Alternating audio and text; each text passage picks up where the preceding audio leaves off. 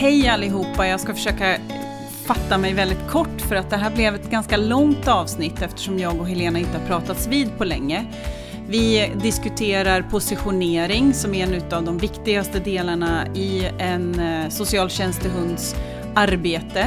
Vi har också en gäst som eh, kommer in någonstans runt 28-29 minuter eh, som heter Nina Ekholm Fry som jobbar i USA. Så att håll till godo, det blir ett superkul avsnitt, eh, mycket tankar och vi vill jättegärna att ni också skickar in filmer på era egna hundar som arbetar eh, och speciellt då ur temat positionering. Mer om det i avsnittet. Välkommen!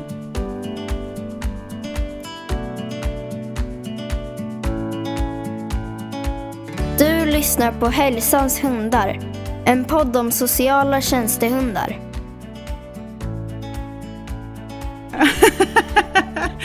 äntligen, äntligen, äntligen! Gud, det känns lite ovant faktiskt. Ja, nu är vi tillbaka. Ja. Fan, fan. Jag har saknat våra stunder. Ja. Nu har vi haft lite uppehåll. Ganska långt uppehåll blev det. Det var kanske inte riktigt meningen. Nej, det var det faktiskt inte. Men eh, så blir det ibland när man bestämmer sig för att eh, göra om alla utbildningar på en och samma gång. då, då måste vi såklart prioritera eh, det och se till att saker och ting blir som det ska. Ja. Ja, det och allt annat som händer i ens liv. Ja, men precis. Du har tävlat en del också, eller kört en del prov, eller hur? Ja. Nej men jag har ju startat min unga hund på jaktprov bland annat och gått till första pris. Så att eh, det går... Grattis! Ja, det är faktiskt väldigt roligt. Ehm, Mm. Sen har jag väl inte tävlat så mycket annat vad jag har för mig. Men jag tränar, tränar på. Ja. Men Ray, vet du vad? Hon är nästan färdig besökshund. Gud vad typ kul! ett När ska du examinera henne Ja då? men exakt, jag kanske går vidare på terapihund. Eh, med en gång. Mm. Men jag vet Ah, inte okej. riktigt. Jag, för då eh, behöver man ju inte göra en eh, praktisk examen om man inte vill. Jag kan ju göra det. Ehm, Precis, det är ju så i, enligt vårt liksom system så är det så att om man bestämmer sig för att gå vidare då kan man hoppa över examen så länge man har liksom tagit emot fakturan för nästa steg och så vidare. Så man Ja. kan inte liksom och det är ju hund gå från... nummer tre, fyra för mig. Alltså inte hund nummer ett då.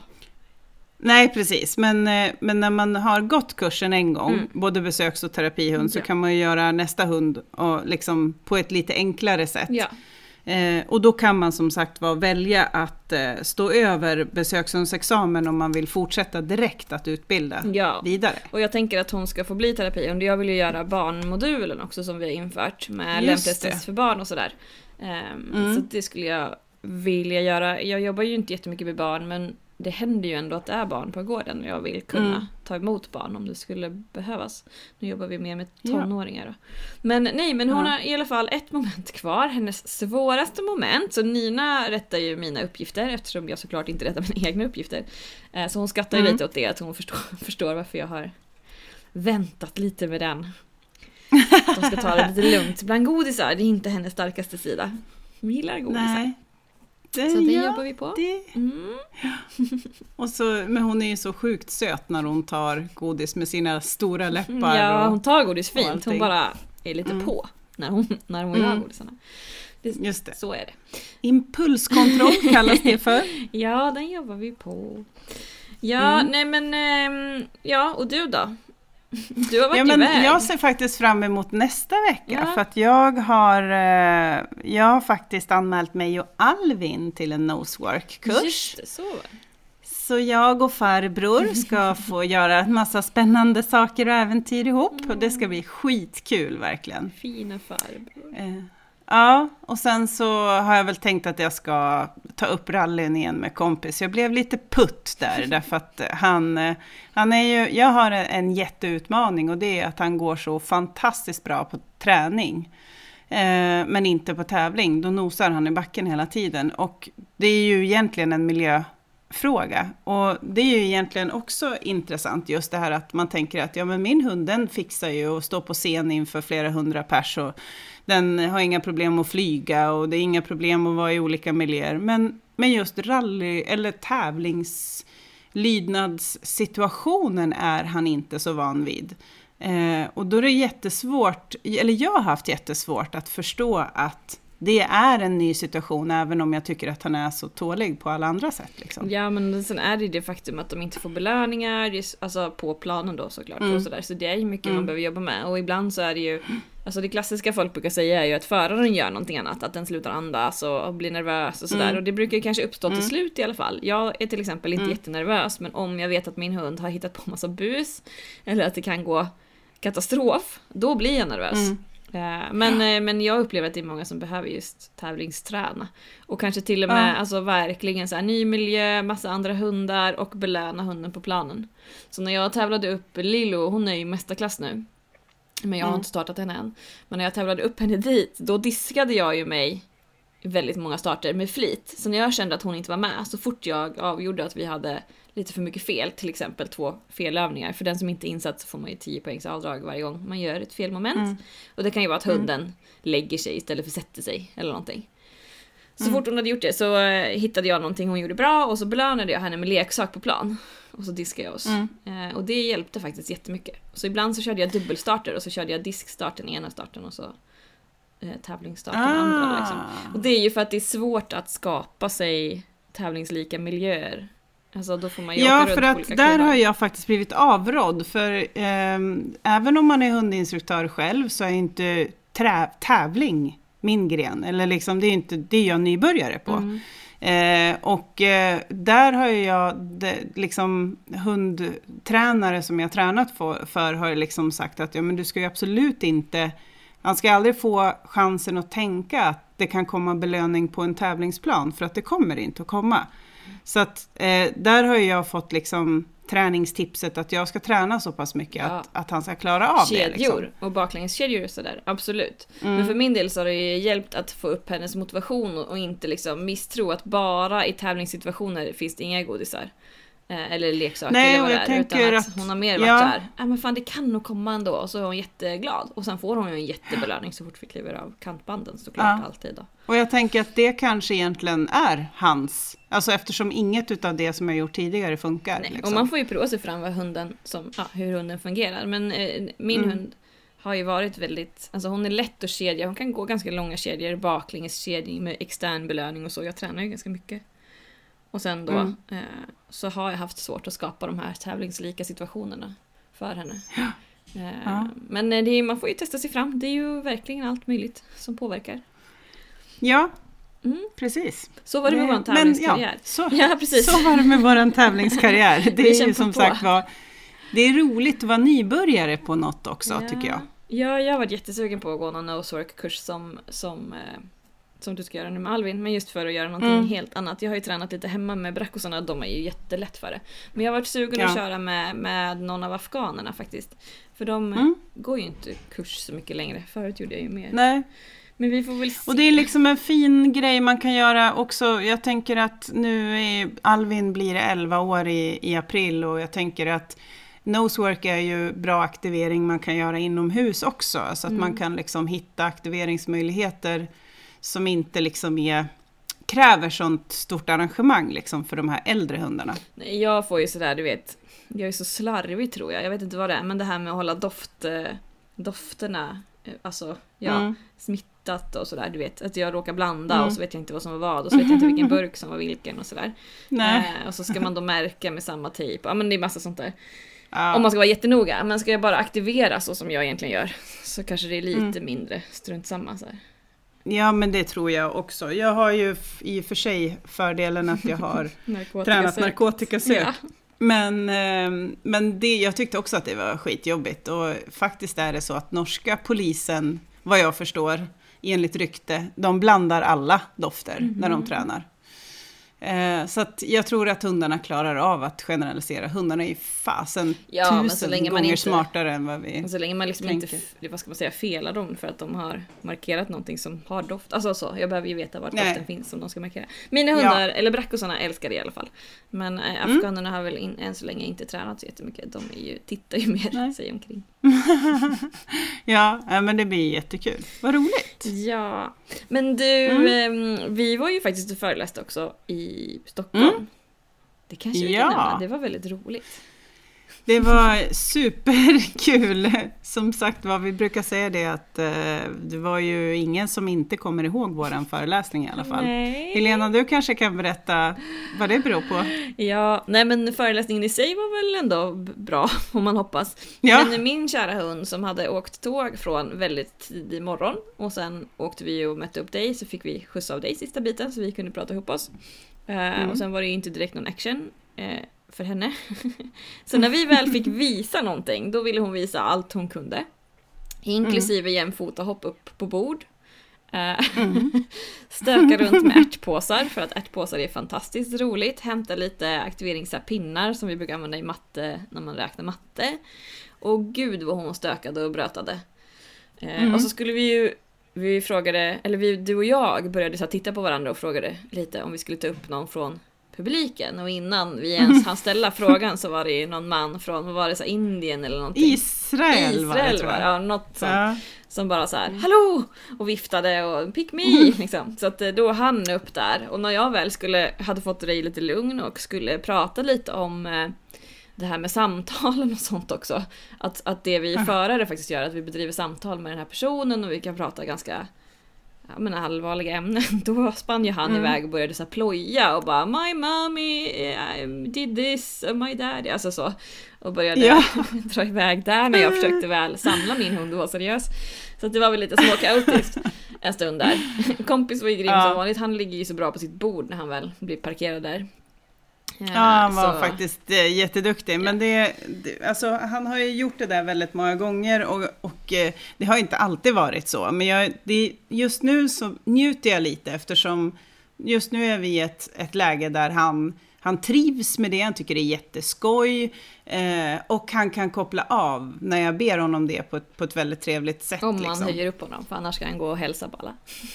Ja, han, exakt, precis. Men där har jag också lärt mig att det är ju hans absolut svåraste akilleshäl är ju att få ögonkontakt med folk i publiken, för då vill han ju ut och, Ja. och träffa allihopa. Ja. Men eh, sitter han på ett bord eller ligger han på ett bord bredvid mig, Då vet han. då eh, vet han att det är där jag ska det vara. blir en Liksom. tidig paus. Ja men Ray var ju tack och lov duktig när vi väl pratade och så också. Eh, Men, Ja. men det var ju just när hon skulle få visa lite. Och då var hon helt vild och kompis körde ju, vad sjutton var det? Han var så här, jag vill inte hämta den, jag vill hämta den här. Ja, han vill inte hämta tennisbollarna. Bollarna, just Så det. var det. Men de hittar ju på Men det saker. var ju för att jag hade visat ett aktiveringsspel Exakt. honom innan Ja. och det var ju det han var sugen på att Ja, göra. och då pratade Men- vi ju lite om det också, att så är det ju. Våra hundar får ju Ja. visa preferenser och så, så det i sig är inget konstigt. Men de behöver inte vara som en tornado när de, när de ska visa saker. Men folk skrattade väldigt gott. Det här var ju, vi kanske ska säga det, det var ju på en internationell konferens.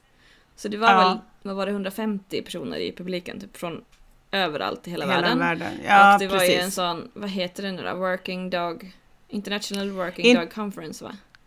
Ja, precis. Ja, så det var väldigt Exakt. många som kanske jobbar inom polisen och inom militären och så, som är helt andra sorters hundar. Det var mycket Ja. föreläsningar om, i år då var det ju en del om nosarbete och så här. Bland annat Precis, och- narkotikasök Ja. och vad- annat, annat typ av sök. Ja, så vi var ju lite en sån äh, frisk fläkt kanske.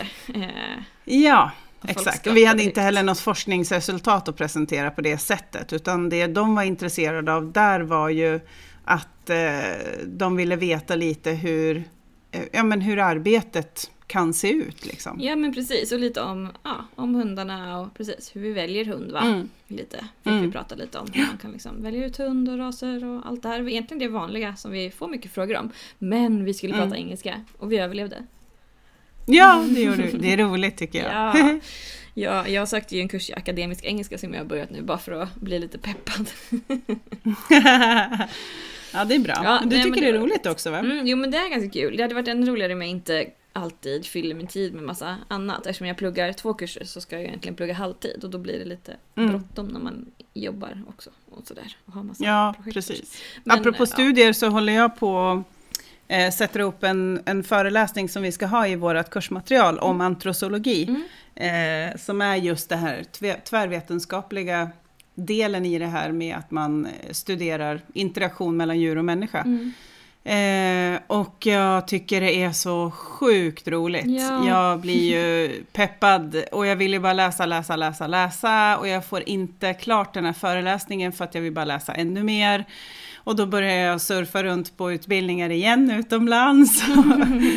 Eh, det känns som att det eh, dags att ta tag i det där nu. Men först ska jag också gå en kurs. Jag ska ju avverka en kurs i hälsoekonomi mm. på Karlstad universitet i vinter här. Just det, den började senare. Ja, den börjar vecka 46 tror jag. Mm. Sånt där. Ja, vi är bra på det här med att hitta på saker att göra, kan man säga. Så ja, att, eh, precis. Ja. Och jag tror att det är väl egentligen därför vi eh, liksom kommer vidare i utvecklingen också just där, är ju för att vi hungrar efter ny kunskap hela tiden. Mm. Ja, också. man är ju alltid väldigt eh, inspirerad. Jag läser ju en kurs i handledning också, handledning inom liksom, socialt arbete och vård och omsorg och så. Eh, för mm. att kunna handleda, ja men vem som helst. Jag ska handleda personal men andra kan vara att de ska handleda studenter som går i sådana ja, men, VFU eller praktik eller vad man säger. Och så mm. eh, så att om man blir jättetaggad och så vill man typ jag vill ta min personal och så här. Nu ska jag träna på dig här. det kommer väl längre fram. Eh, ja. Men det är Kul. jättepeppigt. Jag var ju också på hund, alltså fältträningskurs nu i, i, tre dagar kan man säga, eller två dagar och så var det en annan kurs i tisdags. Eh, mm. Hur som helst så man är ju, nu vill man ju bara ut och träna hund. Så att eh, ja. överlag, att fortbilda sig är ju inspirerande. Ja, det är det. Verkligen. Mm. Och även faktiskt att som, nu har vi läger här i, i helgen. Mm. Och eh, det, jag tycker att sammankomsterna, även fast det är vi som arrangerar ett läger, så tycker jag att ja, det, det, fortfarande ger... ger mig jättemycket att träffa alla hundteamen. Det gör ju verkligen det. Eh, ja, om inte jag hade varit så utarbetad så hade jag jättegärna åkt upp. Men jag är så trött. Kanske också för att jag hela tiden, jag var precis i Skåne och sådär. Alltså jag flänger runt ganska mycket. Men det är ja. jätteinspirerande att träffa alla kursdeltagare. Och det är samma, jag har ju skolhundsutbildning nu. Eh, mm. I Göteborg, eller vi är ju inte i Göteborg, vi är utanför Göteborg. Men Göteborgsregionen. Mm. Eh, och det är samma sak där. Att eh, ja, man blir jättetrött men man blir också jätteinspirerad. När man ja, har haft de dagarna. det är väldigt tuffarna. skoj. Ja, så att, ja, nej, men jättekul. Mm. Du, vi tänkte ju prata lite om ett ämne som är med väldigt mycket på våra grundutbildningar eh, när man jobbar med mm. hundassisterade aktiviteter. Eh, och som på något sätt är faktiskt väldigt mycket kärnan i vad våra hundar gör när de arbetar. Eh, de flesta. Det. Och det är ju positionering som vi kallar det. Liksom. Att hunden ja. kommer nära och är tillgänglig till den eller de vi jobbar med. Mm. Vad har du att säga om ämnet?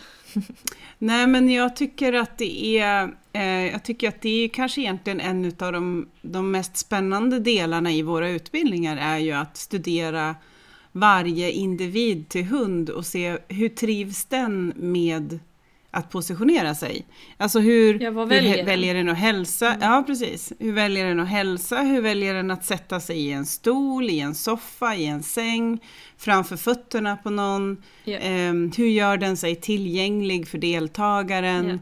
Ja. Eh, och hur, till exempel, hur lämnar den saker i apportering till exempel? Mm. Eh, jag tycker det är oerhört eh, spännande och intressant att se och, och vad är det hundarna kommunicerar med oss när de gör det här också. Ja, ja, och hur vi kan hjälpa en hund, för vi går ju ändå in och tränar det här och försöker förstärka att ja, men vi gillar när du gör så här. Eh, för mm. att påverka lite hunden i rätt riktning. Men vi utgår ju ifrån ja, men hundarna, ja, vad de behöver och vad som förenklar för hundarna. Så att om min hund trivs med att vända sidan till, till exempel. Och då kan man ju mm. ta Ray som exempel eftersom jag har hållit på nött den här träningen. Eh, när, hon, när det inte finns några godisar inblandade och hon hälsar på en person, då vill hon liksom lägga sin sida mot personen. Om du sätter ner på huk till exempel, då kommer hon liksom tippa hela sin sida mot dig och så kråmar hon runt lite i din famn. Trampar lite mm. på stället och vill så här. hon vill gärna klappa på ryggen och rumpan. Och då positionerar jag ju gärna henne även när jag går in och styr kanske med en sittande person, att hon får sitta med sidan mot. Mm. Eh, och då kan jag ju träna det, alltså hjälpa henne in och hamna rätt så att hon inte välter någon, eller det är en ganska stor hund liksom. eh, ja. Eller ställer till liksom med någonting. Men, så att man kan ju titta på hunden och se vad den, ja, vad den väljer själv och sen kan man ju då hjälpa mm. hunden att hamna i sådana positioner istället för att hamna kanske ansikte mot ansikte hela tiden eller vad det kan vara. Mm. Mm. Ja, nej men jag tycker att det är väldigt eh, intressant och det är också Eh, kanske också en utmaning för hundföraren eftersom det beror också på vad du har för storlek på hund. Ja. Eh, vad, vad, eh, liksom, hur positionerar du en liten chihuahua i relation till en greyhound eller en afghan eller en, ja men Ja, som min. Alvin som väger 30 kilo och är stor liksom. Mm. Eh, och det, det tycker jag är väldigt spännande. Det kommer vi definitivt att få titta på nu på det här lägret när vi faktiskt för första gången ska utbilda läshundar för vuxna. Mm. Eh, och eh, det är egentligen är liksom benämningen på kursen är läsombud med hund för att vi har ett samarbete med Myndigheten för tillgängliga medier som utbildar läsombud. Mm. Eh, men det, då kommer vi prata positionering i allra högsta grad för att, att positionera sig i närheten av en, en person som bor på ett särskilt boendeförälder till exempel som kanske är skör i huden eller ja, vad det nu kan vara liksom. Mm. Och att du dessutom kanske ska göra någonting annat samtidigt som hunden positionerar sig också. Mm. Det är inte säkert att du prompt ska sitta bredvid utan det kanske är så att du ska kommunicera med andra runt omkring också samtidigt som hunden ska sitta eller ligga i närheten. Ja, och vi hamnar ju hela tiden i det här, ja men någon form av etik. Eh, och det tycker jag hela vårt arbete går ju ut på, att hela tiden göra avväganden, men att hela tiden lyfta hunden och, och eh, utgå ifrån hundens behov och, och eh, vad ska man säga, alltså, ja, hundens behov. Eh, Ja. hur- Vad hunden föredrar. Därför att det är jättelätt annars att, att tvinga in en hund, alltså ta i halsbandet eller selet och liksom nu ska du in här eller nu ska du till exempel den lilla hunden då, att man bara lyfter upp den och sätter den i knät och så håller man liksom handen på bröstet och så här, nu ska du stanna här. Till exempel. Så det är väldigt lätt egentligen att tvinga in hundar i positioner eh, som de kanske egentligen trivs i men inte var redo för just nu. Till exempel. Mm. Eh, eller som de faktiskt inte, ja, men, inte trivs i. Kanske med den personen. Alltså det är ju så beroende av situation. Eh, och där är ju vi hela tiden att så här, ja, men, eh, få fram vad, vad som funkar här och nu med den här personen eller gruppen, med den här hunden så som hunden är i dagsformen, vad den tycks uppskatta. Så det är ju klart att det här Ibland kanske det känns som att vi pratar orimligt mycket om det här, men det är ju för att det är så viktigt. Att vi Mm. måste få med vad hundarna vill, liksom. vi ska inte gå över deras gränser. Nej, exakt. Så är det. Ja, jag tjatar ganska mycket om just små hundar för det är så lätt att bara lyfta upp dem. Att eh, vi måste vara säkra på vad de vill och det här med... Brukar inte du låta kompis gå på dina knän typ? Jo, ibland så, jag brukar fråga honom typ, alltså om han vill hoppa upp via mina, mina knän eller om han liksom vill att jag ska lyfta upp honom eller om han hoppar upp i soffan bredvid någon och sen kliver över Mm. i knät. Mm. Ja, för jag tror att Eh. blir det frivilligt själva uppgången också så tror jag att det påverkar känslan av att sitta i knät. Absolut, så är det ju. Och sen så, men samtidigt kan det också vara så som till exempel när vi har läs, eh, jobbat som läshundsteam.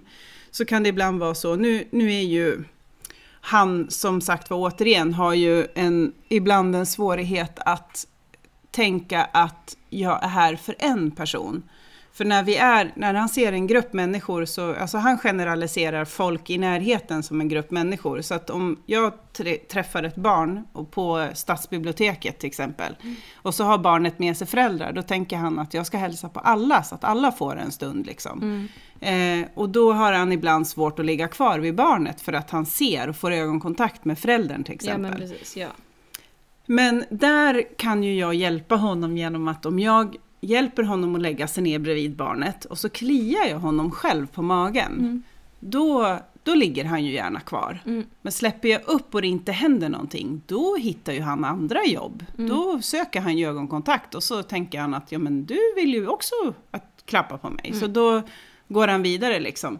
Men det tycker jag är skillnad mot för om man sitter och håller kvar ja, hunden precis. i knät till exempel. Ja. Ja, men absolut. Kali har ju de där tendenserna också. Att om någon, eh, vi jobbar med en deltagare som sitter och klappar på henne och sen så slutar den personen kanske att klappa. Jag jobbar ju, ja men vi träffar ju bland annat personer med, med djup depression och sådär som kanske bara liksom rör ett finger.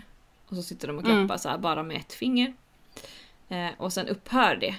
Då kan ju hon efter en liten stund ganska snabbt säga, "Ja, men du där borta, om det finns en mer, någon mer person i rummet. Eh, Mm. Och klappar den då på henne, då är det klart att ja, men då stannar ju hon där för där får hon en massa klappar. Medan den andra personen slutade klappa. Och det är så här, Mm. hur ska hon kunna avgöra utan guidning vem det är jag vill- vill att hon är kvar hos. Alltså där måste vi ju ändå kunna guida hundarna men att vi gör det trevligt. Vi gör det inte genom att dra runt hunden och, och sådär. Nej. Och sen Nej, riggar man ju precis. såklart miljöerna. Så att det är ju bra om det Mm. inte är en massa andra människor med i situationen Ja. som, som stör. Nej, det är ju såklart det är speciellt just när man jobbar på biblioteket sådär eftersom det är mycket folk och folk runt på. omkring. Ja. Eller som en föreläsning till exempel. Ja, där är det Men, ju värre eh, när alla sitter och tittar för de ska titta. Ja, exakt. Så det. Eh, Men det är ju någonting som vi behöver träna, som jag vet om att vi behöver träna på. Så även om han är färdigexaminerad så har han ju saker som, som definitivt är färskvara. Att vi, det övar vi hela tiden. Ja, och vissa hundar kommer ju också ha vissa svårigheter som med min, ja nu hon, hon fyller två snart Ray faktiskt. Eh, så hon Mm. sägs ju, hon ska ju typ vara vuxen snart, men hon är ju väldigt liksom ungdomlig. Hon har jämfört med min andra Bracco som, ja men hon är långsam liksom i mognad. Hon är också mycket, mycket glad. Så det finns ju fördelar och nackdelar. Men vissa hundar har ju svårigheter och då kommer jag kommer ju få jobba med impulskontrollen och godis, alltså det här. Att hon är så godisglad. Eh, Och du får kanske jobba med att, att stödja honom i vissa situationer så att han inte jobbar vidare. Eh, Så olika hundar har ju olika svårigheter. En del måste ju verkligen träna hälsa artigt. Till exempel. Ja, Att man kan inte sluta träna hundarna. Eller lära Nej. hundarna vad det är för beteenden vi uppskattar bara för att man har fått en diplomering eller ett diplom i brevlådan typ. Nej, precis. Och sen att man också samtidigt ska tänka att hundarna måste få vara hundar. Ja, Eh, och att de inte liksom går på någon form av kadaverlydnad utan i, det är ju självständiga frivilliga hundar som vi arbetar med. Ja liksom. men precis, och där har vi deltagaren, för det var det jag lite fastnade i där, jag glömde säga det. Men just det här etiska, det är inte bara hundarna utan vi har ju faktiskt någon vi jobbar mot som vi också ska ha, ha i åtanke Mm. och ta hänsyn till och så. Och om, jag, om min hund bara går in, om jag säger så här, gå och hälsa och så går hunden in och så hälsar den och så sitter den och väntar på någon form av signal från mig och så gör den vad jag ber om och så gör den vad jag ber om och så gör den vad jag ber om. Men lyssnar kanske inte på deltagaren så mycket. Eller interagerar Mm. inte så mycket med den utan sitter bara och väntar på mina signaler. Då kan man ju fundera hur det känns för den deltagaren. För då är inte deras, alltså det finns ju ingen relation däremellan. Då kanske det är bättre Alltså, att det- hunden går in och stojar lite och liksom är glad. Till exempel. Exakt, precis. Och framför allt så tänker jag ju att det är ju, då har ju vi stöttat deltagaren för lite också. Precis. Eftersom det är deltagaren som ska ge eh, Signaler. instruktioner och träna med hundar och, och, och liksom Mm. det är, väl, det är väl en av de absolut största utvecklingarna som vi har, eh, alltså utvecklingsområdena som vi har sett i branschen sen vi började med det här och fram till nu. Mm. Eh, och jag kan ibland bli så lite pillrig och tänka, undrar vad som har hänt om tio år? Mm. Ja. Hur gör vi då liksom? Och hur kommer det att se ut? Och hur kommer vi tänka kring hundarna? Och, Ja, och förhoppningsvis utvecklas ju det, för annars är det ju oroväckande. För vi lär oss ju mer och mer Ja. och mer, alltså inte vi som individer utan eh, ja, men forskning och, och de som är framträdande inom den biten och sådär. Vi lär oss helt enkelt mer om, om hundar och hundars funktioner eh, och Mm. beteenden. Så att det Mm. vore ju inte så bra om man är kvar i exakt samma spår utan att det hela tiden utvecklas. Ja men precis. Och apropå forskning så har vi ju faktiskt en liten godbit att bjuda på. För att vi Ja. har ju en intervju som vi har, eller som jag gjorde med Nina Ekon Fry när jag var i eh, USA Ja, i våras här. mm, vi kommer ju komma eh, med lite sådana intervjuer sporadiskt här. Men Precis, vi har ju några kort i, eh, i rockärmen, eller vad man ska säga, S i rockärmen som Mm. vi ska bjuda på. Och eh, jag tänker att det kanske är läge att skicka in den intervjun nu. ja, för jag har ju inte ens hört den. Då är det you're in for a treat. Ah. Spännande, då lyssnar vi.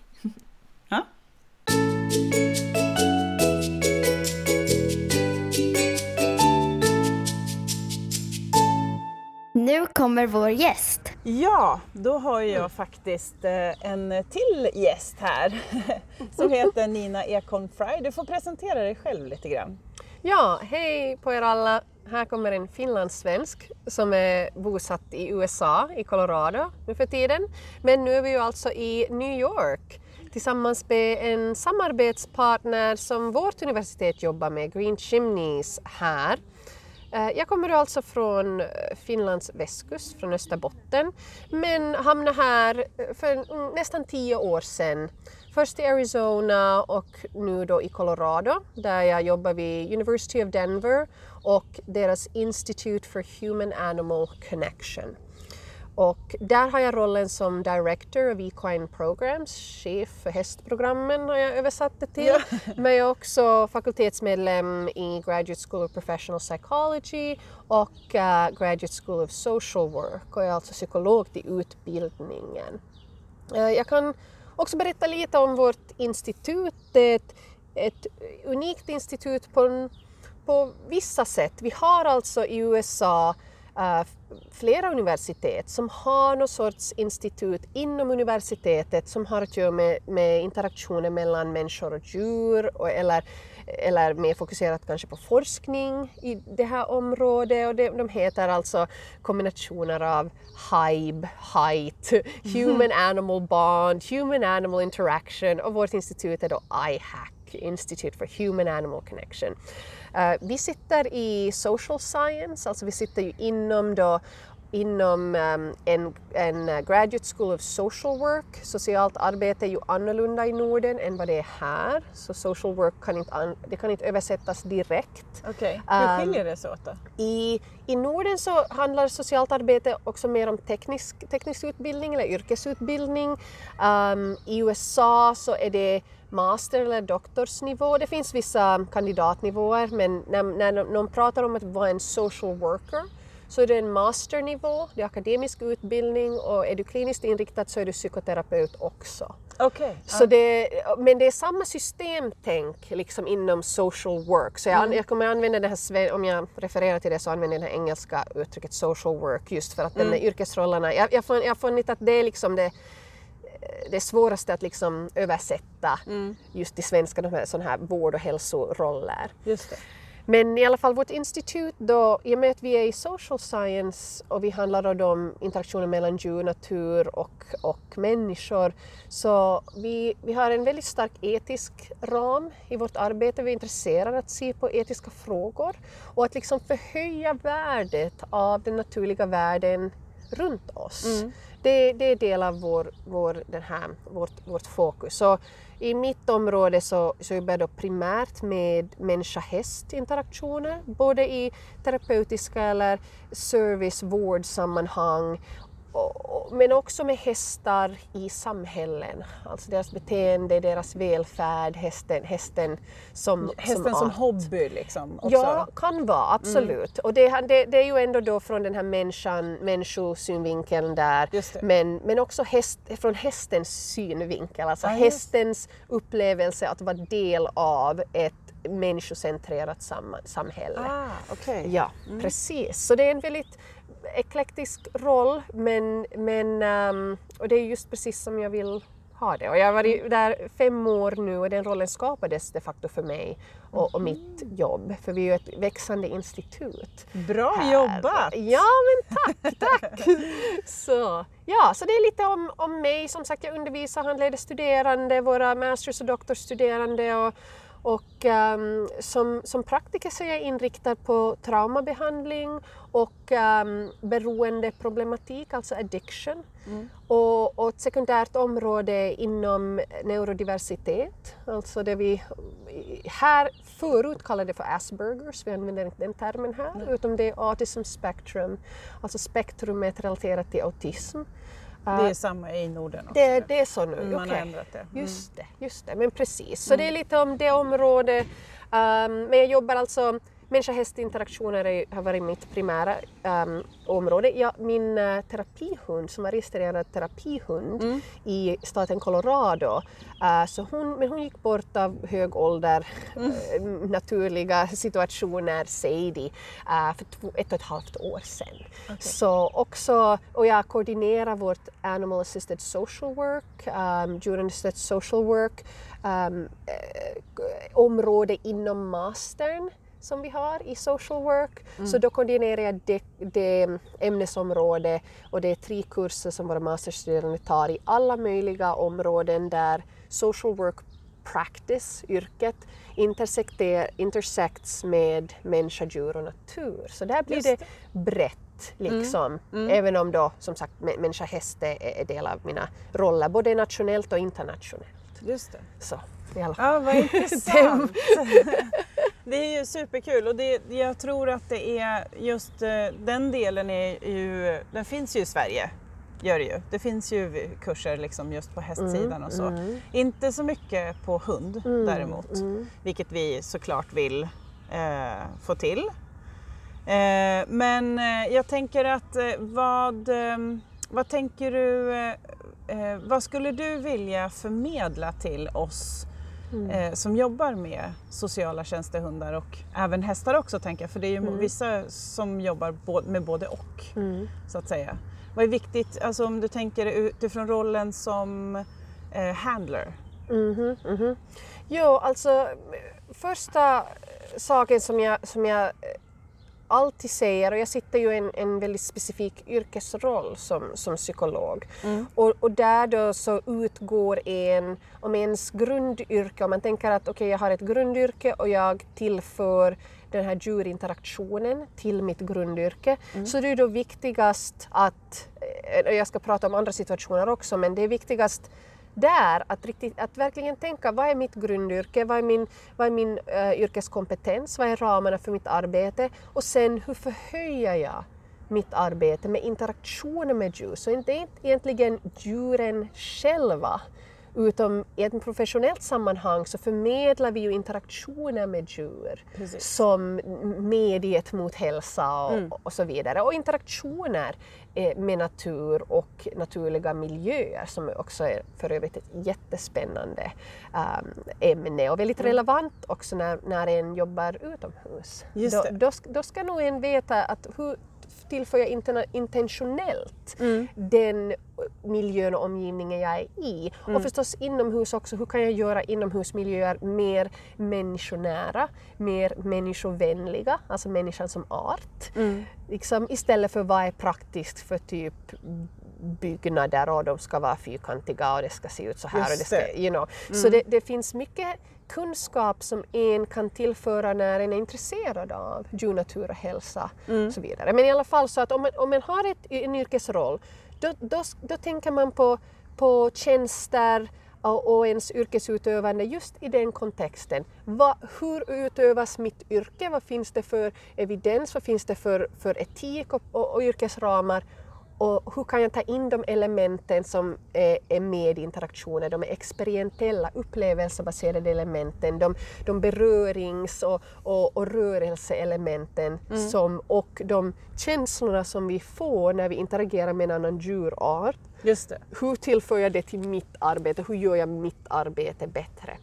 Men då finns det ju också i, i andra fall um, situationer där en har um, erfarenhet och expertis inom en, en, viss, ett viss, en viss djurart och med viss, vissa individer inom den djurarten och att en vill då ta med den expertisen in i olika yrkesrum, in i olika människosammanhang. Just det. Och, och där tycker jag, när jag, tänk, när jag hör dig säga då, ehm, när du frågar frågan om handler, för mig så översätter jag mentalt det just i de situationerna. För när jag jobbar då med en hund till exempel i, inom, inom psykoterapi eller inom eh, mental behandling, då, då eh, lägger inte jag mig som handler utan Nej. jag är ju då terapeut och jag har en, en yrkesroll för mig själv och en yrkesroll för min, mitt djur som jag då hjälper mitt djur att klara av i den människocentrerade världen som jag det. lägger mitt djur i. Precis. Men det finns ju då situationer när vi då hjälper, hjälper andra yrken och yrkesroller som en handler. Vi kommer in med ett djur i en situation och vi försöker skapa en mer hälsosam, en mer givande interaktion där som då förstås är inte endast på människans villkor Nej. eftersom det är inte hälsosamt. Nej. Det vet vi nu. Vi har lite problem med klimatet om ni har märkt.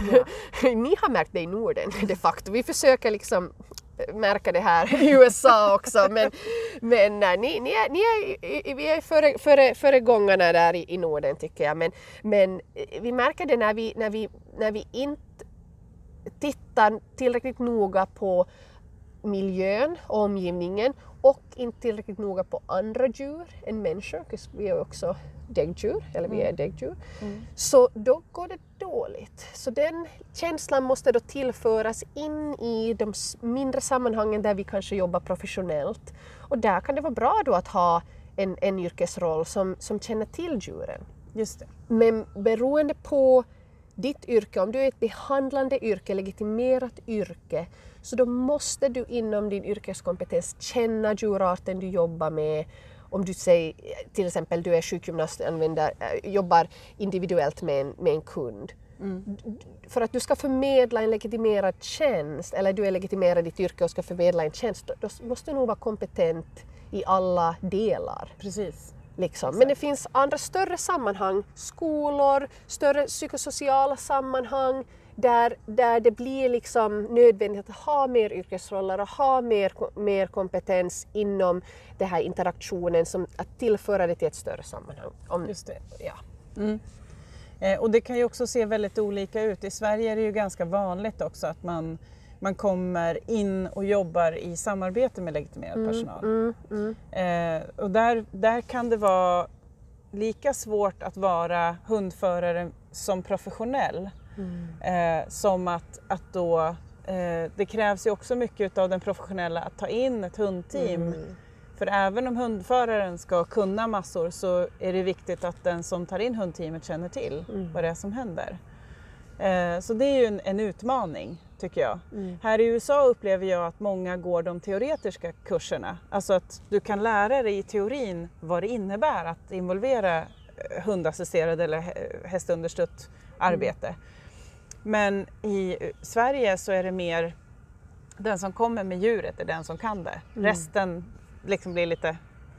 Vi är inte där än om man säger så. Ja. Det finns ett behov av teoretisk kunskap till personal mm. och omgivning. Och det är ju så att i, här i USA, det, det, är så, det kan tyckas att vi är i förgrunden men det är inte alltid sant. Alltså, kvaliteten på och, och tanke bakom utbildning i Norden tycker jag är, är mycket högre. Alltså jag jobbar i universitetssammanhang både i, i Norden och i USA och så det kan verka så att vi är lite i förgrunden. Vi har bara mer grejer. Det är bara more stuff. Liksom. More större. is more. Men det är inte alltid kvalitetsmässigt bättre. Nej, För jag skulle säga att, att största som händer utanför hästinteraktioner, om vi, om vi pratar hundar, vi pratar andra, andra djur, största som händer här är, är det här volontär interaktion, du Just. går en kort kurs, nu är du ett team då med din hund mm. efter en dag mm. typ, mm. ja. två dagar och då ska du in då på något sjukhus med din minihäst eller med din hund och,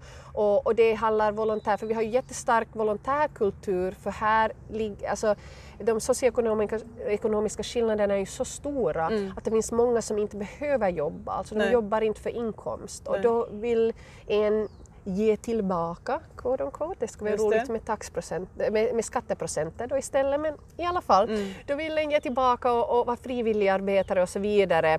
Så, så det, det, är liksom, det är på grund av vår, vår ekonomiska hyperkapitalism som vi har mer det, det, liksom, det ser så annorlunda ut här hur folk använder sin tid mm. och, och, vad som fokuseras på. Men mm. i alla fall, den här volontärsituationen som till exempel Pet Partners, som ni har hört om Pet Partners mm. i Norden. Det är ju en volontär, alla som tränas ska tränas endast för att arbeta i volontärsituationer, alltså icke betalda, icke yrkesfrämjande äh, situationer. Mm. De kan assistera i en yrkessituation. Mm. Men försäkringen som ges inom den organisationen är endast för volontärarbete till Just exempel. Det. Det. Och, men, men det blir ju förvirrande då när, när djuret som tas med kallas för therapy... Punkt, punkt, punkt. Therapy dog, therapy horse. Mm. Så då blir det lite förvirrande. Ja, det blir det ju, helt klart. Men vi, så vi har kommit längre på hästsidan i USA när det gäller organisering och när det gäller att nu börja komma in i universiteten. Mm. Det leder ju ett postmastersprogram, också öppet för magisters eller doktorstuderande i hästunderstödd mental hälsa eller mer specifikt hur du som psykolog eller psykoterapeut, vi har sex yrken som kan utöva psykoterapi här i USA. Så det är ju väldigt, det är mer och allt är mer. Men um, som, som då kan, som förhöjer sina tjänster genom inkludering av interaktioner mellan hästar. Det är det som vi som, som, som hur, hur, vi definierar det. Men, mm. Så vi har mer av det mindre organisation på hundsidan, mm. mer vad vi kallar industrigrupper mm. som då inte har koppling till universiteten eller Just. mer organi- som nationella, sån här mer mm. cohes- cohesive um, organisation. Så. Så om man tänker sig då att vi som då är i Sverige och skulle vilja använda djur i verksamhet. Eh, utifrån eh, kanske liksom en, en eh, forskningssida och, och liksom din, med din bakgrund. Vad skulle, man, vad, sku, vad skulle ditt budskap vara till, till enheter som är intresserade av att då eh, mixa upp legitimerad personal med eh, djurassisterade interventioner. Alltså att det kan vara då till exempel legitimerad personal som är utbildad men Mm, de får mm. inte in djuret i verksamheten på grund av olika anledningar. Mm. För att man anser att det kanske är en kostnad eller att det är hygien eller vad det nu skulle kunna vara. Mm. Vad skulle ditt, din, ditt råd till de verksamhetscheferna vara? Ja, alltså när det gäller just den här specifika gruppen och det finns ju många andra grupper som jobbar med grön verksamhet, som jobbar med liksom, interaktionen mellan människa, djur och natur. Men, men så, så det, vad jag säger nu gäller alltså inte hela breda gruppen utan bara specifikt legitimerade yrken som vill då inkludera det här. Grejen är ju att vi har ju yrkeslegitimation för en orsak. Vi, har, vi har höga utbildningskrav och vi har liksom höga yrkeskrav. Alltså du, när du är i den rollen då, eh, typiskt sett liksom master eller åtminstone kandidatnivå, så, så då, är, då, då är du, kan du själv göra professionella uh, avväganden eh, i över, överväganden? Ja, överväganden. that did not sound right. Eh, inom din yrkesroll. Med andra ord, eftersom inkludering säger av en hund i en, en alltså psykologi, psykoterapisammanhang till exempel, eller sjukgymnastik eller, eller någon eller liksom fys- fysioterapeut har ni börjat använda där också i Sverige. Um, då, är det ju så att du är ju redan en yrkesmänniska. Och om du vill förhöja teorier som du ska använda inom din yrkesram genom människa-djur-interaktioner så tekniskt sett är det inom din kompetens. För du säger ju inte att, att människa-djur, människa-hund-interaktion i ditt, säg nu jag faller tillbaka på mitt, mitt yrke inom psykoterapi psykologi, att du se, det är ju inte det att det är en egen intervention eller en egen teori. Utan du, du jobbar inom de interventioner och teorier du har men du behöver tilläggsutbildning i de elementen som finns, den här extra beröringen i terapisituationen, den här extra mentala verks, mentaliseringen, mentala verksamheten. Men det är inte att du överger, säg KBT, kognitiv beteendeterapi. Liksom. Nej. Så Terapiformen i sig kommer ju vara är ju densamma. människocentrerad. Så Ja. tekniskt sett, när man är en yrkesmänniska så behövs det egentligen inga extra tillstånd eller sånt. För vi, vi har legitimation precis så att folk ska kunna göra avvägande gällande, gällande sina överväganden gällande sina, sina klienter eller patienter Mm. och, och, och applicera då sin yrkeskunnande. Om man säger som för dig då, vad är det hästen till för? Din terapisituation? Ja, alltså om vi, om vi tänker då interaktioner, så, så vi kan ju använda det just nu som ett exempel på det här med elementen och det här som jag pratar om. Alltså när vi då jobbar med hästinteraktioner så har vi tre centrala element som inte alltid finns med i sitta ner tillsammans inne i ett kontor sorten av samtalsterapi eller psykoterapi. Och det att det finns upplevelsebaserade element eftersom det är mycket som händer just nu. I, i psykoterapisituationen, det enda som händer just nu är ju att vi sitter tillsammans i rummet och vi kan påtala, jobba med vår verkliga levande, eh, vårt verkliga levande samspel. Men det handlar ju också ofta om att man sitter och tänker tillbaka och så vidare. Vilket också är, med i interaktionen med hästar i psykoterapi. Det är inte att någonting faller bort, Nej. men vi har ju de här elementen. Det är upplevelsebaserat, saker händer här och nu. Vi måste hjälpa våra klienter, patienter att, att reflektera och ta del av de verkliga här och nu Um, att man kan öva saker. Liksom. Man kan öva gott relationsbeteende och, och titta på andras behov till exempel. Men då behöver vi lite extra kunskaper där. Så upplevelsebaserat, det är mera relationer som tillförs. Andra däggdjur kommer in, liksom hej hej. Och om man jobbar då med sig hund och häst så handlar det ju om däggdjur. Så mer, mer relationer, mer social samverkan, mer samspel finns det möjlighet att ha och uppleva. Mer samvaro, känsla av sammanhang och samvaro. Och sen den tredje aspekten som just om vi särställer från den här upplevelsen av, av psykologi och psykoterapi i kontor så handlar det om rö- berörelse och, rö- och rörelse, alltså touch and movement, som vi då inte i princip har så mycket av i sitta ner Just det. terapiformerna. För det finns ju andra psykoterapiformer där man rör på sig också. Men, men, så de är, de, de är kärnelement, men så är det just omgivningen, det här stärkandet av den terapeutiska alliansen när en ser ens terapeut interagera med andra och att vi kan göra saker tillsammans, att arbeta i lag. Att vi har det här, liksom det här, jag kallar det för joint venture på engelska, att vi har ett gemensamt mål och vi sitter inte bara och tänker på det målet, det är ju Nej. klientens mål. Men att vi gör tillsammans, vi kan stå sida vid sida och, och, och göra någonting. Mm. Liksom, istället för att, att du sitter passivt och, Mm. och, och kunden liksom tänker nu på någonting. Vet du. Så, så det, det, det är sådana element till exempel som jag då kan väldigt intentionellt tillföra beroende just på den klientgrupp eller den individ jag har. Just det. Men jag jobbar ju då inom den samma traumaramen eller vad jag, Ja. det beror ju på just kunden men det är ju inom min, mitt, in, min yrkeskompetens till Just exempel. Intressant. Om du fick... Eh, eh, vad, hur tror du fältet har utvecklats inom fem år till exempel? Jag får ju hoppas, om jag ser här nu, bör, börja här i, i USA, alltså jag, jag tycker på hästsidan i alla fall, och jag vet eftersom jag är med i flera initiativ, att vi börjar närma oss mer professionalisering.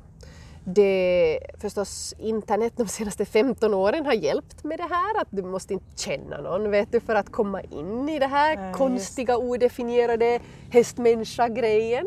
Men nu då så finns det mer tillgång till, till, till kunskap och kontakter och just eh, universitetsprogram som, som vårt som då försöker att inte sälja det en massa prylar och konstiga nivåer och sånt utan fokusera på kompetenser och kunskap Ja. utan att driva en persons, liksom, att någon måste vara ansiktet eller så. Ja, det. Och, och det tycker jag, så det uppskattar jag liksom mest med mitt val att jobba inom akademiska världen eh, istället, istället för här i USA där det finns hundratals personer som kör sina egna um, väldigt små grejer liksom, Ja, och inte just det. vill samverka med andra.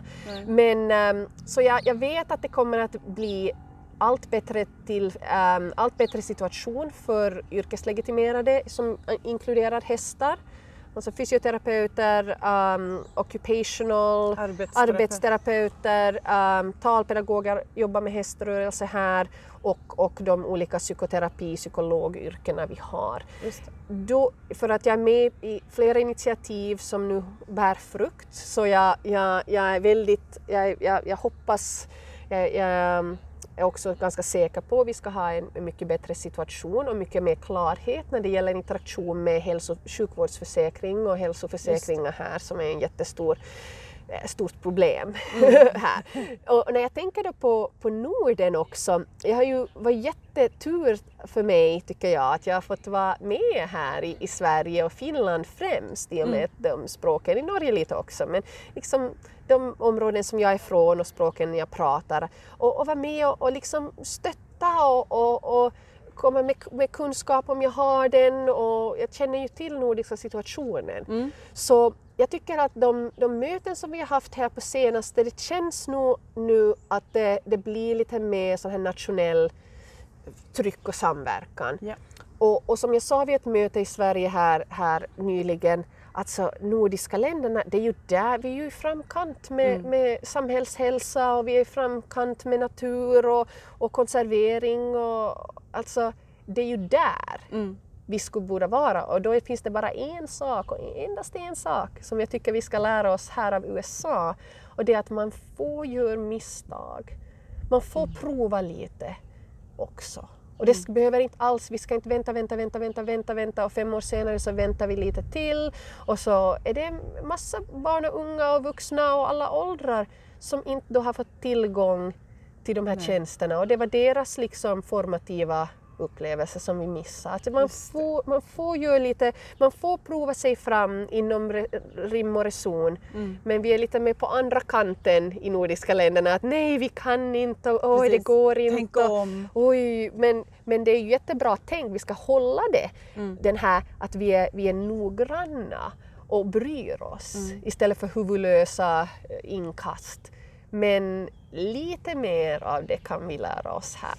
Jag upplever också att jag får ofta svaret från politiker som, eh, som säger att eh, men det måste till mer svensk forskning innan Mm, vi kan. Men det finns ju amerikansk forskning Mm. eller utländsk forskning eh, som man faktiskt kan använda sig av.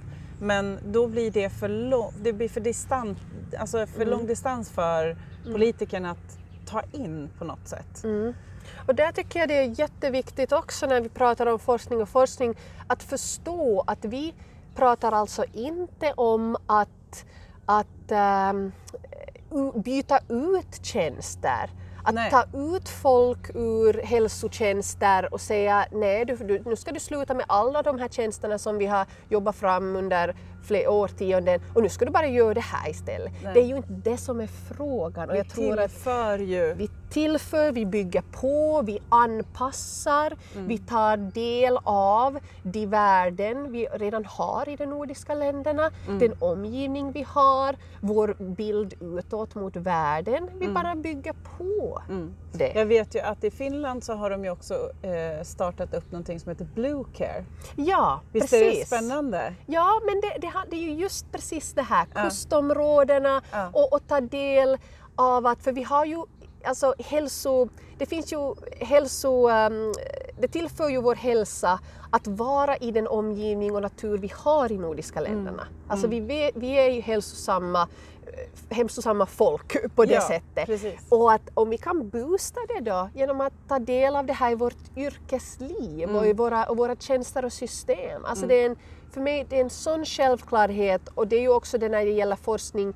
Det finns så mycket forskning om gröna rum och grön, grön interagering och, och, och att man är med, med andra djur och ja, det, det finns mycket mycket evidens kring detta. Vill en ha mera inhemsk eller svensk evidens, då ska en också satsa och investera i yrkesgrupper som kan då ha kompetens och göra det här arbetet. Du kan inte bara sitta och säga nej men det är någon som ska forska men det, om det inte finns pengar för det, om, ska folk då jobba frivilligt eller? Nej, nej. det tycker jag inte alls. Så då, då om, det, om det är sådana tongångar, då ska det läggas fram en, en långsiktig plan Just det. då med finansiering för praktiker. För en behöver inte vara rädd för det här. Nej, precis. För det här finns redan i vår folkbild. Ja. Och om du fick önska någonting skulle förändras liksom, inom det här, om du känner liksom att jag saknar det här eller det här skulle jag vilja utvecklas nu inom kort, vad skulle det vara? Här i USA så handlar det ju främst om pengar.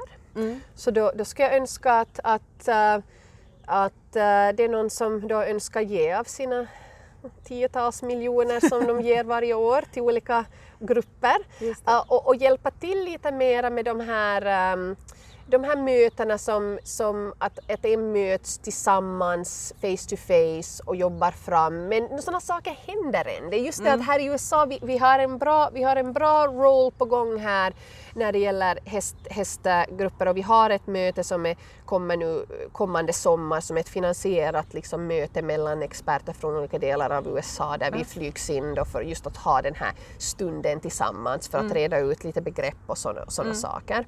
Så, så, så här i USA så är det, är det mest är det mest sådär, med pengar så fixar sig allt här. Ja. När vi tittar på Norden så handlar det ju mera, vi är ju mera tillsammans här. Vi, det, är ju, det är ju med den här, vi, med den här kollektiva tanken och, och stödet från hela samhället. Så, så jag tror mitt förra svar gällande Sverige och, och Finland och Norden i stort gäller här också. Att eh, om tongångarna är sådana att det ska vara inhemsk forskning, då ska det läggas fram en plan så praktiker får jobba och utbildning får gå. Så vi har högkompetenta tjänster som då kan forskas på. Just det. Och, men som jag sa så tycker jag att det i, i vilket fall som helst så, så ska det ju hända ändå. Ja. Att, vi, att, vi liksom, vi, att vi ska förbättra våra hälsovårdstjänster Mm. ändå. Och här har vi ett område som, som finns tillgängligt redan. Vi behöver bara högkompeten- vi behöver tilläggsutbildningar Mm. och vi behöver stöd. Och vi behöver universitetsutbildningar i Mm. ämnet också. Men precis, och det är ju där jag tänker att de sitter, de här tilläggsutbildningarna också. Mm. Att det finns units ute i industri såväl som liksom Mm. vid universitet där man har högskolepoäng och man har liksom Mm. struktur till dem. Um, och, och just det här stödet från och intresset i regeringen Mm. för folkhälsa och folkhälsa sammankopplat med djur naturhälsa är självklart. Ja. Så vi behöver mera, mera stöd för det här. För nästan alla har kontakt med sällskapsdjur och djur i natur och så vidare. Det är bara att föra in det i professionella, professionella rum. Just. Tusen tack för att jag fick eh, låna dig en liten stund här på konferensen. Och eh, vi ser fram emot att få höra mer om eh, din framtid här i USA och när du kommer tillbaka till Norden också. Yes, yes! Vi hoppas vi ses snart. Det är så roligt att få komma till, till Norden faktiskt. Men, men här har vi haft det fint på, på Green Chimneys-konferensen som vårt institut då samordnar um, med Ohio och, uh, och här med organisationen. Så, Och vi kommer att lägga ut kontaktuppgifter till dig Ja. eh, också i, eh, online så att alla kan få veta hur man kontaktar dig. det låter super. Låt e-posten komma bara. Ja, Tack. jättebra. Tack!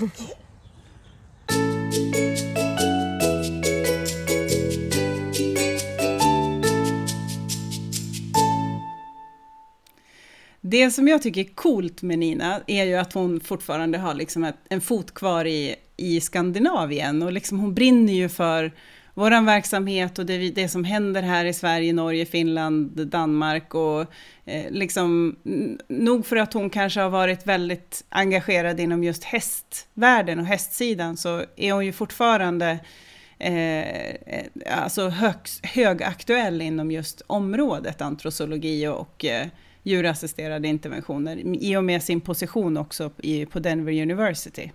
Mm, ja men det är jättespännande. Jag jobbar ju lite med häst också så att Mm. ja, det är ju aktuellt. Jag ska följa henne vidare.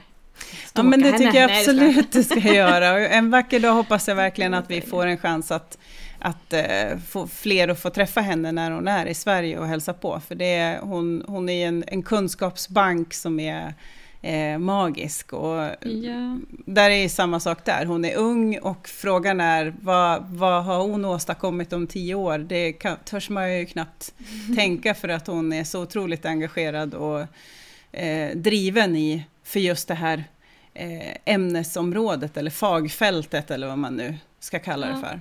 Ja men jätteintressant att höra henne. Jag tycker hon låter så himla trevlig också. Det påverkar faktiskt också. Ja, och det är hon. Hon är sjukt trevlig. Eh, klok, smart, snygg, trevlig på alla sätt och vis. Vi är nästan lite så att man känner så här, fasen nu får du flytta hem Nina, för vi vill ha dig här i Skandinavien istället. Ja, som lite gästföreläsare på våra läger. Ja, Det verkligen. vore väl drömmen. Det tror jag inte är omöjligt om hon bara är i faggorna, men hon, om man följer henne på Facebook så ser man ju att hon är ju på typ en ny konferens varje vecka liksom, i olika delar av världen. Så att hon är en extremt eh, åtråvärd eh, föreläsare. Ja, vad spännande. Ja. Men du, eh, innan avsnittet blir allt för långt då, som vi tjatar om. Jag tänkte, apropå det här med positionering, så tänkte jag jag kan slänga upp ett filmklipp där vi filmade för ett tag sedan. Ray var lite yngre då, ska man väl tillägga. För vi filmade det här i typ februari eller någonting och nu är det onekligen oktober. Eh, men då höll jag på att träna henne lite i eh, att stärka upp hennes positionering och liksom välja vart hon ska göra av fötterna, att inte hoppa samtidigt som hon ska få uppskatta människor såklart. Mm. Eh, och då tränade jag en form av sit-target och det finns ju massa olika sätt att träna det här på. På utbildningarna kör vi ganska mycket med kanske lite klossar, att de får ställa fram tassarna på, på någonting och sådär. Men det här är ett exempel. Och så kanske, om det finns någon lyssnare kvar efter vårt långa uppehåll, kanske ni som eh, tränar era hundar till det här, eller är färdiga, kan lägga upp lite korta filmklipp på hur ni tränar positionering. Ja men precis, och gärna berätta lite om er hunds personlighet och vad den tycker om. Ja, Eh, varför ni har valt också att göra ja. som ni gör. Ja, det tycker jag vore superkul. Då säger vi så lyssnarna, som vi hoppas att vi har kvar några stycken av. ja, precis. Glöm inte att följa oss på Facebook och, eh, och Insta och allt vad det nu är. Nej men precis, och Hälsans hundars lilla Facebookgrupp där som vi har. Just det, precis. Hälsans hundars eh, community. Mm. Eh, och har ni frågor och funderingar så ställ dem där gärna och eh, vi hoppas ju att det inte dröjer allt för länge till vi ska podda igen. Jag vet i alla fall att vi ska podda om, tror jag det är, två veckor tillsammans med en ADHD-podd. Just det, Det ska också bli se väldigt vad det spännande. blir av det. Men då så. Yes, ha det så bra! Hej hej! Hej då! Du lyssnar på Hälsans hundar. En podd om sociala tjänstehundar.